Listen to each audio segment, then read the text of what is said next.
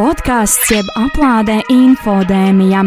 Ekspertu un studentu pieredze dezinformācijas laikmetā un vērtīgi padomi mediju pratības apgūšanai. Pirmdienās pulksten piecos radio nabēterā un mūzikas straumēšanas vietnēs.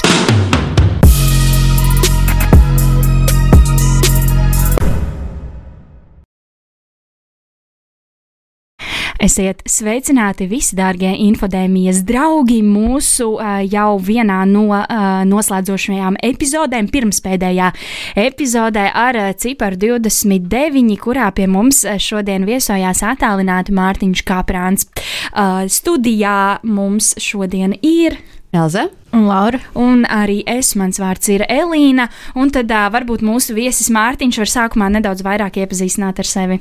Esmu Mārtiņš Kaprāns, Latvijas Universitātes Filozofijas un Socioloģijas institūta vadošais pētnieks. Ikdienā nodarbojos ar dažāda veida sabiedrības pētījumiem Latvijā. Pamatā pēdējos, pēdējos gados esmu orientējies uz uh, Latvijas sabiedrības uh, teiksim, ideoloģisko polarizāciju un tās izpēti un Latvijas sabiedrības saliedētības izpēti, bet vienlaikus esmu darbojies arī vairāk, vairāku domnīcu ietvaros, uh, kā dezinformācijas un, un, un, un, un, un ar šo saistību saistīto jautājumu eksperts un pētnieks. Tā. Tāds man tas pēdējo gadu darbības lauks ir bijis. Nu jā, mēs arī daļēji tādēļ jūs aicinājām, jo tagad virzoties uz sezonas noslēgumu, mēģināsim arī pārunāt mēdīju un sabiedrības attiecības, ja tā var teikt, un kā tās ir pēdējos gados mainījušās. Un tad sakiet, vai jūs varētu sniegt ieskatu vai un kā pēdējos, teiksim, 4-5 gados, kas ir mainījies tādā diskursā starp mēdījiem un sabiedrību, un, nu, piemēram, proti, starp mēdīju autoritāti un sabiedrību, tīpaši kontekstā par uh, sabiedrības uzticību mēdījiem? Uh, Nu, protams, eh, pēdējo piecu gadu laikā eh, šķiet, ka pat vēl eh, pirms kāda neliela brīža es kaut kur dzirdēju BBC pirms kāda gada vai diviem, kā gada vārds vai viens no pretendentiem uz gada vārdu. Ne tikai mēs Latvijā taisam gada vārdus, bet citviet arī pasaulē. Fake news bija, cik es atceros. Un tas bija, protams, pateicoties lielā mērā Donalda Trumpa um, retorikai, kur šis, šim vārdam bija ierādīta centrālā loma, pasludinot visus tradicionālos un, un, un mainstream mēdījus par nu, tie, tos, kas nesimpatizēja viņa politikai, kā fake news izplatītājs. Nu, lūk, bet šis te, šī te domāšana vai šis modelis, ka uh, mēdīji var, teiksim, tradicionālie un, un, un tādi dominējošie mēdīji var tikt uzskatīti un tikt pēkšņi diskreditēti kā viltus ziņu izplatītāji, zināmā mērā, protams, ir atvērsta tāda Pandoras lāde tajā ziņā, ka nu, katrs, ne jau tikai Donalds Trumps, var pēkšņi uzdrošināties uh, pilnīgi nepamatoti izvirzīt šādus apgalvojumus. To mēs arī Latvijā redzējām. Ja kāds atcerās 18. gada saimnes vēlēšanas un to, kā KPVLV startēja publiskajā telpā ar ļoti agresīvu, agresīvu retoriku vērstu pret Latvijas nu, teiksim, reputācijas ziņā cienījamākajiem mēdījiem, īpaši sabiedriskajiem mēdījiem, bija uzbrukumi un, un, un bija pat aicinājumi tur nerunāt, un, un, un tika ik pa brīdim arī atkārtots, šķiet, tieši Gobzema, Gobzema kungs tieši atkārtoja šo viltus ziņu tēmu, kopējot Trumpu. Tā kā, jā, atbildot uz jautājumu, kas ir mainījies? Mainījies, protams, eh, kaut kādos tādos lielos vilcienos eh, attiecībā uz uzticību varbūt arī nebūtu nekas. Tajā ziņā, ka tā uzticība plus mīnus ir saglabājusies līdzīgi, līdzīgās eh, proporcijās. Tur, protams, mazāk kā vienmēr ir bijusi drukātajiem mēdījiem, tur radio, televīzija, tur jāstāsta sabiedriskiem mēdījiem, ir visaugstākā uzticība Latvijā bijusi jau ilgāku laiku. Bet, bet, eh, ja runā par tādu nu, kaut kādu vispārējo sabiedrības eh, nu, priekšstatu maiņu par to, kas ir mēdīte, tad es teiktu, ka šī te kritiskā un nevienmēr pamatoti kritiskā attieksme, jo mēs vienmēr runājam par to, cik ļoti ir jāveicina sabiedrībā kritiskā domāšana attiecībā uz mēdījiem, bet nu, kritiskā domāšana nenozīmē, ka kritizēt eh, vienkārši kritizēšanas pēc. Nu, ir jābūt pamatam kaut kādam, kāpēc tu uh, kritizē mēdījus. Nu, lūk, šī ļoti um, pašmērķīga kritiskā attieksme teiksim, varbūt kādā aktīvākajā, bet ne, būt, ne dominējošajā sabiedrības daļā, ir pieaugusi, kļuvusi redzamāka. Un, protams, to ir pastiprinājusi arī pandēmija divu gadu laikā, Covid ietekmē, kas arī ir veicinājusi šo domu, ka mēs nevaram uzticēties tradicionālajiem mēdījiem, mēs nevaram uzticēties tiem mēdījiem, kas līdz šim ir bijuši tādi kā vadošie spēlētāji sabiedriskās domas veidošanā vai ietekmēšanā. Un, un tas ir nostiprinājies, un tas ir nostiprinājies pietiekami ievērojamā sabiedrības daļā, kas ir arī aktīva vienlaikus pietiekoši. Ja, tas ir uh, viena, viena tāda skice.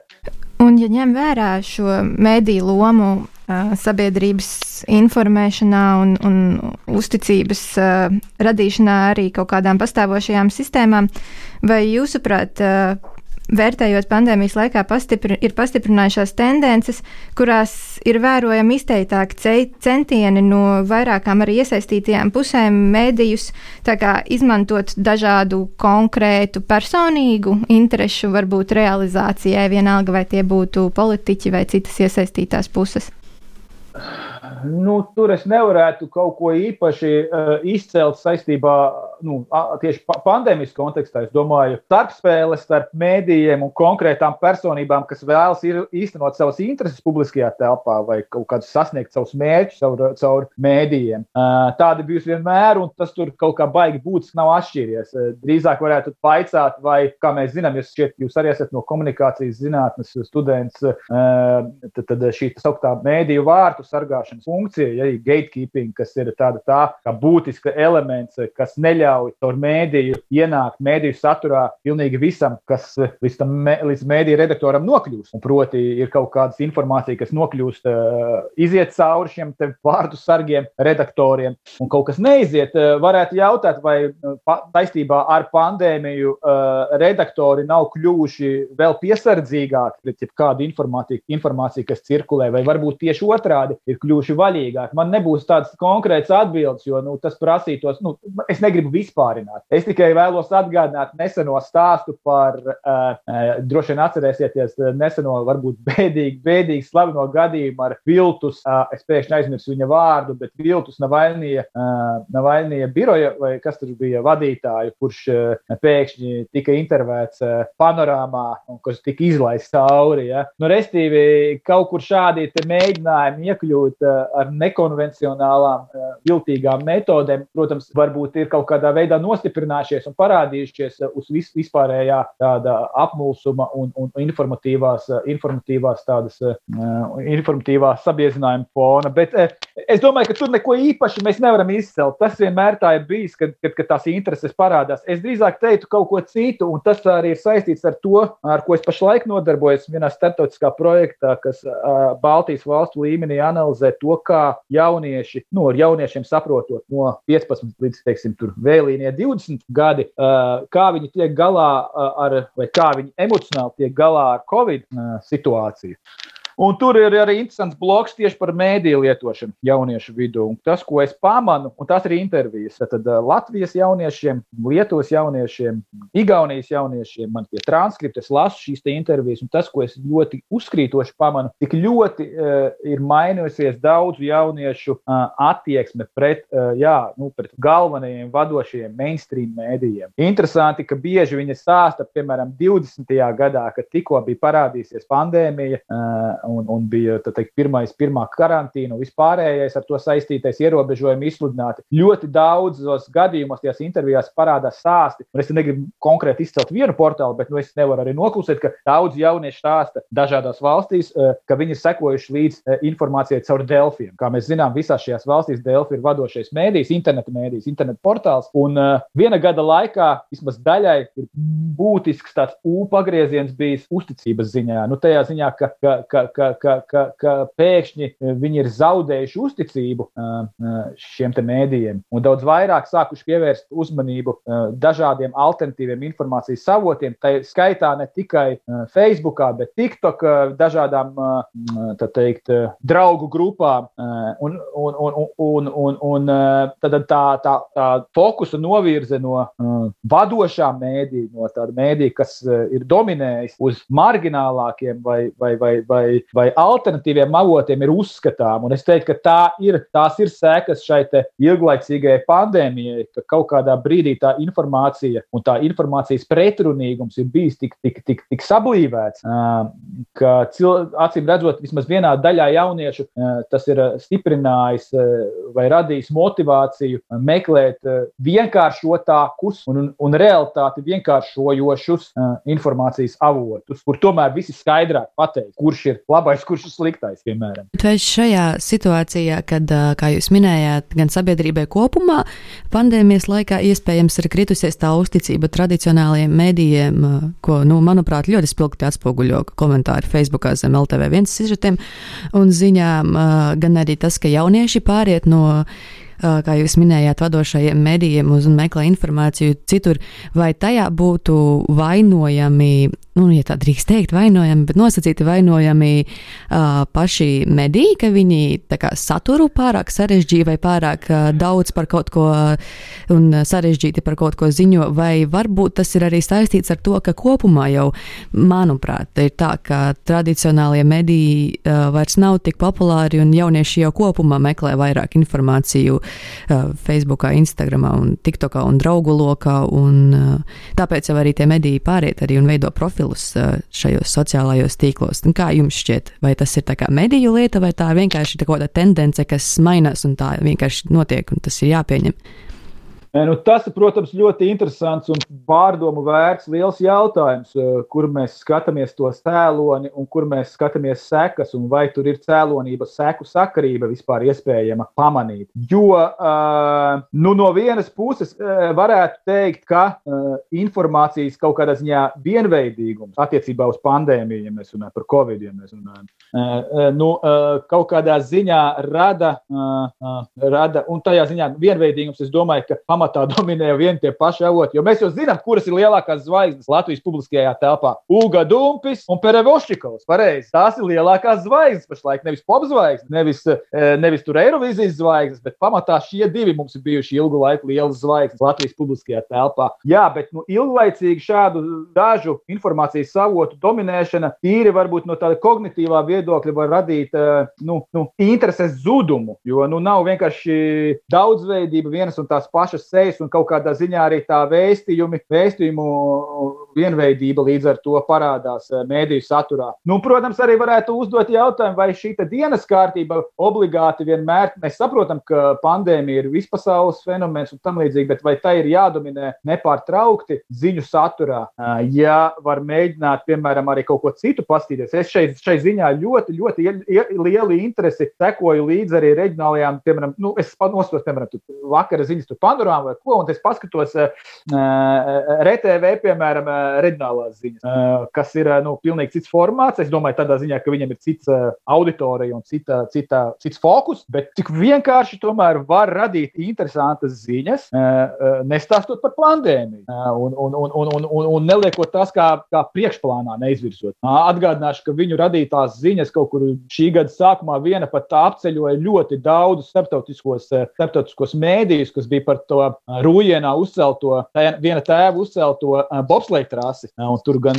Reuters, gan liekas, CNN, gan viss kaut kas bija paķēruši mūsu vietējā reģionālā RTV radītās ziņas. Kas ne, vienkārši tāds interesants fakts, protams, ka, ka ir iespējams arī kaut ko citu stāstīt, nevis tikai par pandēmiju. Un tādā veidā it kā saglabājot interesi arī par pašu pandēmiju, bet nu, vienkārši neizvirzot vienmēr to priekšplānā. Tā kā es varētu piekrist uh, apgalvojumam vai pieņēmumam, protams, ka mēdīju satura vienveidīgums kaut kādā ziņā notrūlina interesi par šo te, šo te tēmu un arī līdz ar to interesi par konkrētā mēdīja vispār kopumā saturu. Es domāju, nu, par ziņu saturu pieņemsim. Bet nu, tā kā es te minēju to Baltijas valstis, bet tā kā es redzu līdzīgus sāstus un, un, un, kaut kādā ziņā noguruma un uzticības, noguruma parādīšanos un uzticības zudumu kopumā, ne tikai Latvijas sabiedrībā, bet arī citās valstīs, citās sabiedrībās, tad tas liek runāt ne tikai par kaut kādu Latvijas specifiku vai Latvijas mēdīju problēmu, bet vispār kopumā, kā uh, informatīvā telpa reaģē uz šādiem uh,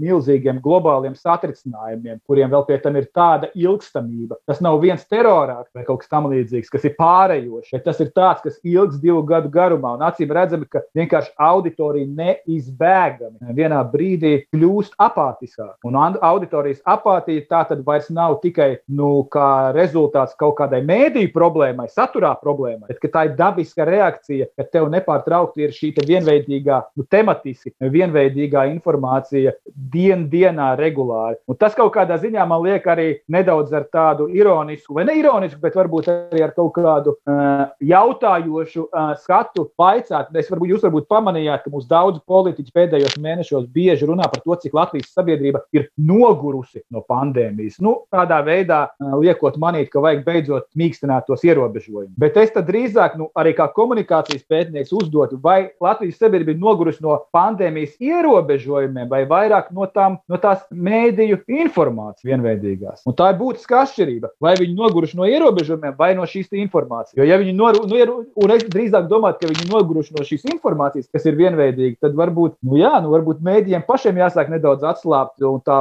tā sabiedriskā doma vairs nav jāmobilizē tik ļoti, kāda tā bija teiksim, pirms, pie, pirms pusgada vēl, kad mums bija, protams, mirstība ļoti liela un saslimstība ļoti liela. Tā kā mēdījiem jāsāk domāt par savu kaut kādu satura pakāpenisku atvieglošanu uh, un, un, un izmaiņu.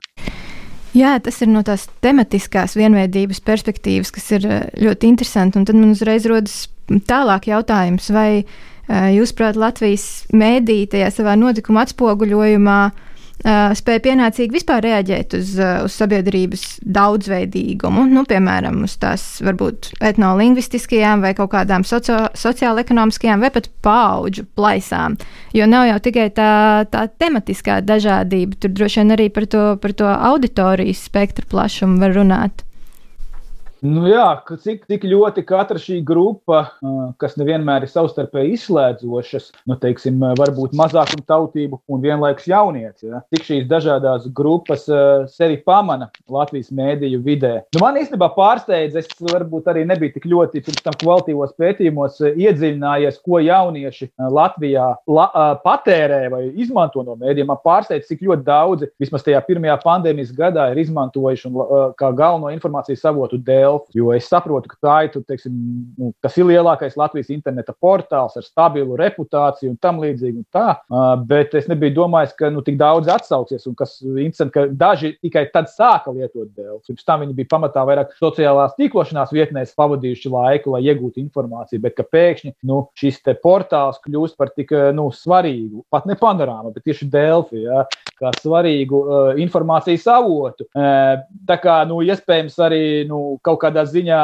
daļa dažādas auditorijas, eh, da, dažādos auditorijas segmentos viņi pēkšņi atklāja kaut kādus informācijas avotus, kurus pirms tam nebija pamanījuši. Bet, jā, nu, eh, nu piemēram, arī es minēju to pašu jauniešu pētījumu, jā, kurā es pašlaik esmu, ka nu, tur pavisam konkrēti tiek jautāts, tur gan es teiktu, tas varbūt jautājums nav pats veiksmīgākais tajās intervijās. Tur tiek vaicāts, nu, vai tie jaunieši redz, kā tur bija jautāts, jo tas transkrips bija angliski, bet man liekas, tur bija aptuveni jautāts tā, ka vai viņi redz savu paudzi, vai viņi saskata savu paudzi tajā pandēmijas laikā, ja, vai viņi redz, vai tā par to viņu paudzi tiek runāts mēdīju saturā. Nu, un lielākā daļa tā ļoti šķiet neminstinoties atbild, ka neredz. Nu, varbūt es arī varētu teikt, ka es arī neredzu, ja, ka, jo nav jau tādā tiešā veidā, bet varbūt tā ir arī viena no atbildēm, nu, nu tā trauksme, kas Latvijas, jaunākajā, Latvijas sabiedrības jaunākajā paudzē vai jauniešos kopumā ir augusi un par ko runā psihologi, psihoterapeiti un daudzi citi, kas strādā vai nodarbojas ar cilvēku dvēseles kaitēm, ja tā izsakās poētiski. Jā uztraucas par cilvēku dvēseles tumšākajiem nostūriem un vibrācijām. Lūk, ka tu neieraugi sevi tajos, tajā saturā, tas ir viens.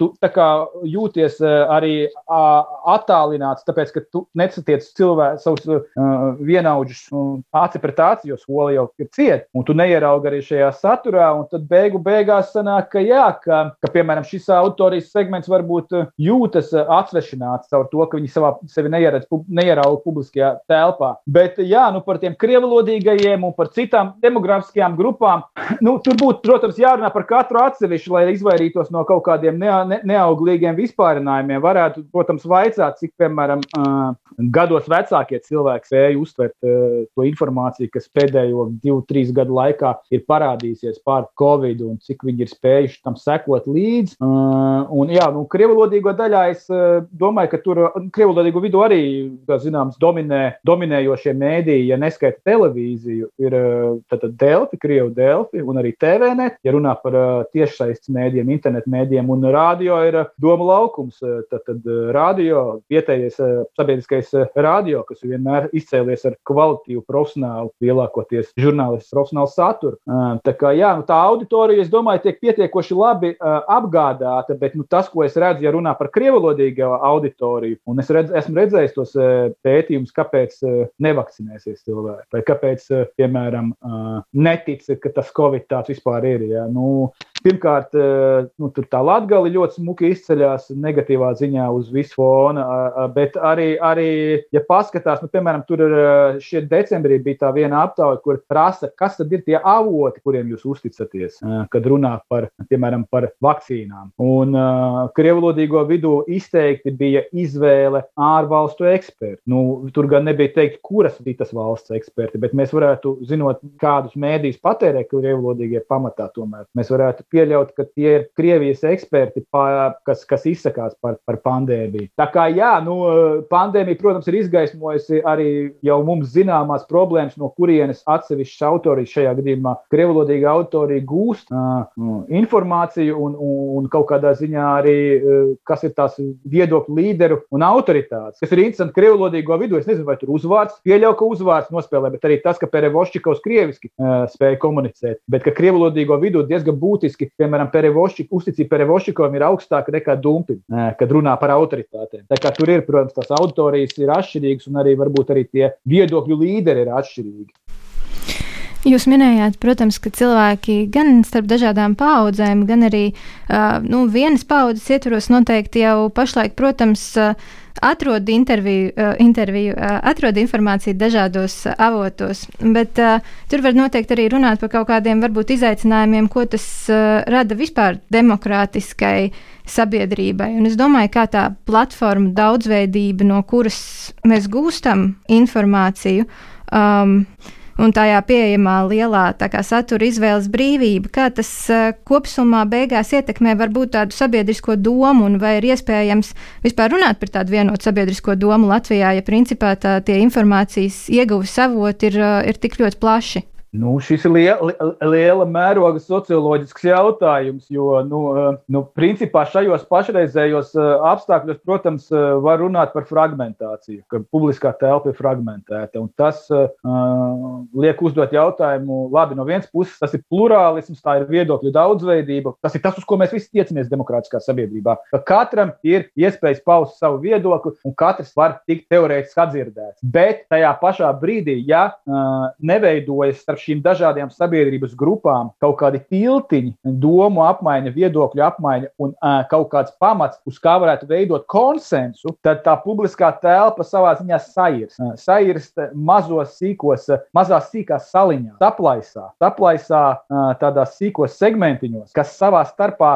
neapmainās ar domām, viedokļiem un uh, nesaskaņojās. Uh, uh, un tad līdz ar to uh, rodās sajūta, ka tu esi nesadzirdēts, uh, rodās sajūta, ka tu dzīvo tiešām tajā savā burbulī, un ka tie tur pārējie pilnīgi neko nesaprot, jo tāpēc, ka nu, tu taču pareizāk visu zini, jo tā ir tipiski tāda, tāds rezultāts šādai fragmentētai publiskajai telpai, kur dažādas viedokļu grupas, tā es gribētu viņus nosaukt, viedokļu grupas nespēja vai nevēlas, un tur ir tiešām jāstāsta, kad nespēja un kad nevēlas apmainīties un veidot kaut kādu kopēju, vienojošu priekšstatu vai priekšstatus par, par, par, par, par notik, notiekošu notiekošo, vai tas, vai tas būtu Covid, vai tas būtu kaut kas cits, nu tad jā, tad tas rezultāts ir, ka, ka, ka, ka vienā brīdī mēs nonākam līdz ļoti, kā, kā socioloģijā mēdz teikt, atsvešinātai un atomizētai sabiedrībai. Tā kā sīki atomiņi tās grupas dzīvo, katrs, katra kustās kaut kādā savā noteiktā trajektorijā, bet nesastopās. Un beigās ir tā dziesma par nesatikšanu. Tagad jūs varētu arī atskaņot dziesmu par nesatikšanu.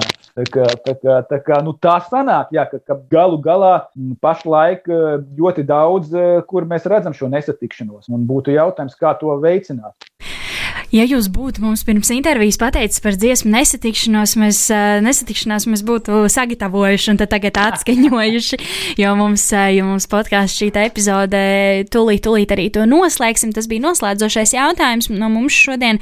Uh, kopumā ļoti, ļoti interesanti un tiešām kaut kādi veidi, kā uh, sabiedrība patērē šos mēdījus un skatās, un kā tas viss ir tiešām, nu, godīgi sakot, drastiski mainījies kopš, kopš Covid sākuma. Es arī nekad dzīvē tik daudz, piemēram, piemēram, mājaslapa Delfi nebija vērusi vaļā, lai gan, lai gan to varbūt tik skaļi nedrīkst teikt, ņemot vērā to, ka mēs esam, nu, es esmu komunikācijas zinātnes studenta, bet, bet vismaz ir jā, vēl kaut kāda tāda papildus motivācija būt informētākam par to, kas notiek apkārt, un to tad arī analizēt un balstīt uz to visu savu viedoklī, ar kuru tad tālāk arī doties, doties tālāk dzīvē. Paldies jums liels, Mārtiņ, par šo te sarunu un visām atbildēm.